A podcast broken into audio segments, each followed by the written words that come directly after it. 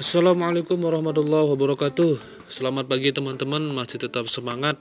Oke bersama saya ya Sohanda Salah satu peserta Latsar CPNS 2021 Balai Diklat Keagamaan Medan Kelompok 3 Angkatan 4 Oke dalam hal ini Kita akan membuat sebuah podcast ya Yang berjudul tentang komitmen mutu Yang termasuk salah satu agenda pembelajaran Dalam pelatihan Datsar CPNS 2021 setelah sebelumnya kita membuat podcast tentang ya akuntabilitas, tentang ya nasionalisme, tentang pelayanan publik kan.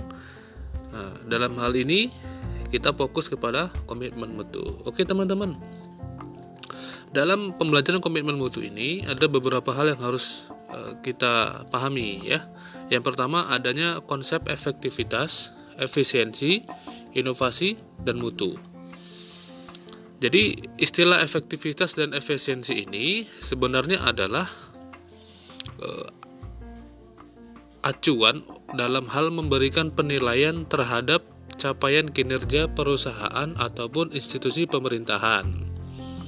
Nah, kalau Richard L. Dahl dalam Tita Maria Kanita, beliau mendefinisikan efektivitas organisasi berarti sejauh mana organisasi dapat mencapai tujuan yang ditetapkan atau berhasil mencapai apa pun yang coba dikerjakan.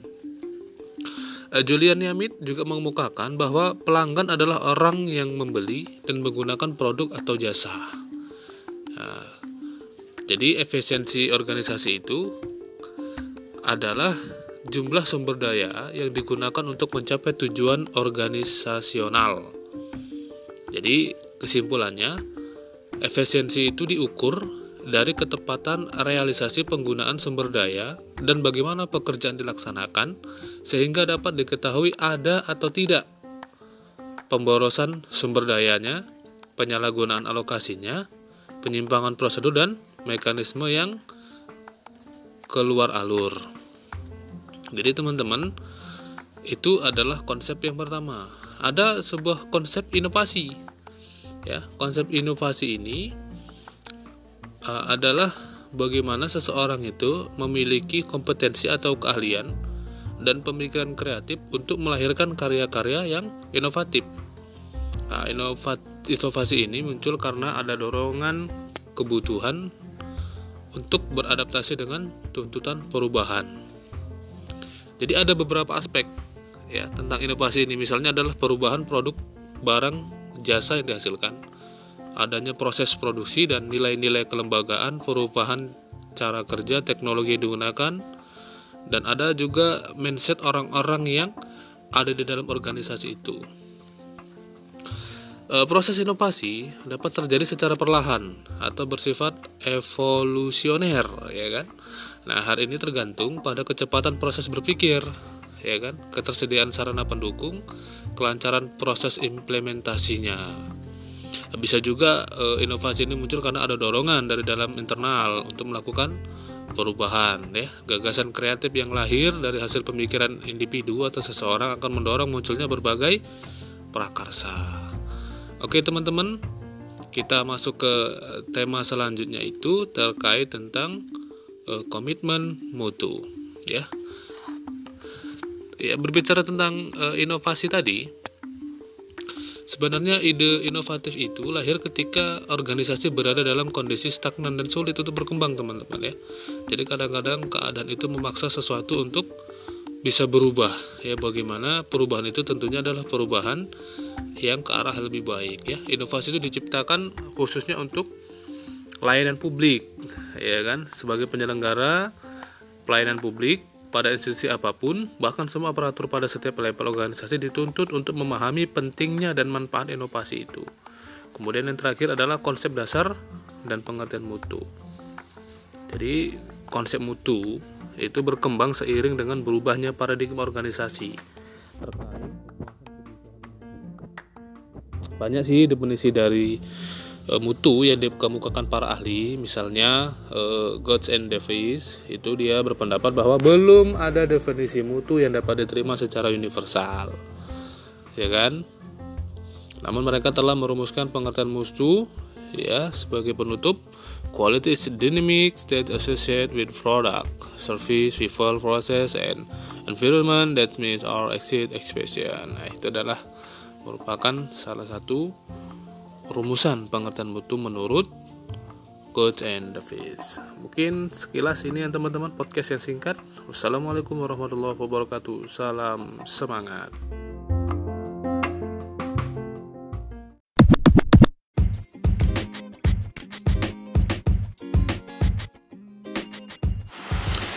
Assalamualaikum warahmatullahi wabarakatuh.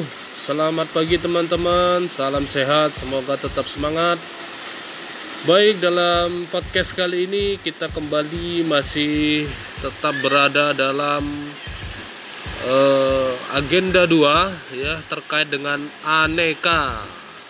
Ya, masih bersama saya Sohanda, salah satu peserta Latsar CPNS 2021 Balai Diklat Keagamaan Medan, kelompok 3 angkatan 4. Oke, baik teman-teman.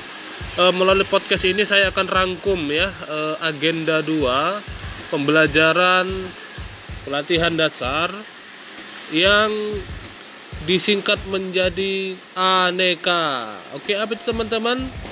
A-nya itu adalah akuntabilitas. Jadi eh, penerapan nilai-nilai akuntabilitas itu salah satunya yang secara sederhana dapat diimplementasikan nanti adalah bagaimana seorang ASN itu memiliki tanggung jawab. Tanggung jawab terhadap apa? Terhadap kewajiban yang telah diamanahkan kepada dirinya terkait tugas pokok dan fungsinya. Oke teman-teman, kalau yang N-nya itu adalah nasionalisme ya. Jadi penerapan nilai-nilai nasionalisme itu secara sederhana yang paling kita lihat di sekeliling kita adalah keberagaman agama. Maka sifat religius dan saling menghormati antara satu dengan yang lain terkait umat beragama adalah salah satu penerapan nilai-nilai nasionalisme. Kemudian selanjutnya ada etika publik nih teman-teman. Kira-kira apa sih penerapan nilai etika publik yang dapat kita lakukan? Secara sederhana dengan cara bersikap ramah dan santun itu termasuk salah satu penerapan nilai-nilai etika publik. Selanjutnya yaitu huruf K yang berarti komitmen mutu. Apa sih komitmen mutu ini? Ya salah satu penerapan nilainya adalah kreatif dan inovatif. Jadi ASN itu dituntut bagaimana bisa membuat sebuah inovasi ya terkait perkembangan-perkembangan yang dapat memajukan birokrasi di lingkungan kerjanya ke teman-teman. Yang terakhir adalah A yaitu anti korupsi ya. Anti korupsi ini adalah merupakan salah satu musuh bersama. Penerapan nilai-nilai anti korupsi apa yang kita dapat lakukan yaitu berani, jujur, peduli dan tanggung jawab. Katakan tidak pada korupsi dan yakinlah bahwa hasil korupsi bukan rezeki. Oke teman-teman, itu dapat saya sampaikan oleh podcast yang singkat ini. Sekali lagi aneka akuntabilitas, nasionalisme, etika publik, komitmen mutu, dan anti korupsi. Wassalamualaikum warahmatullahi wabarakatuh.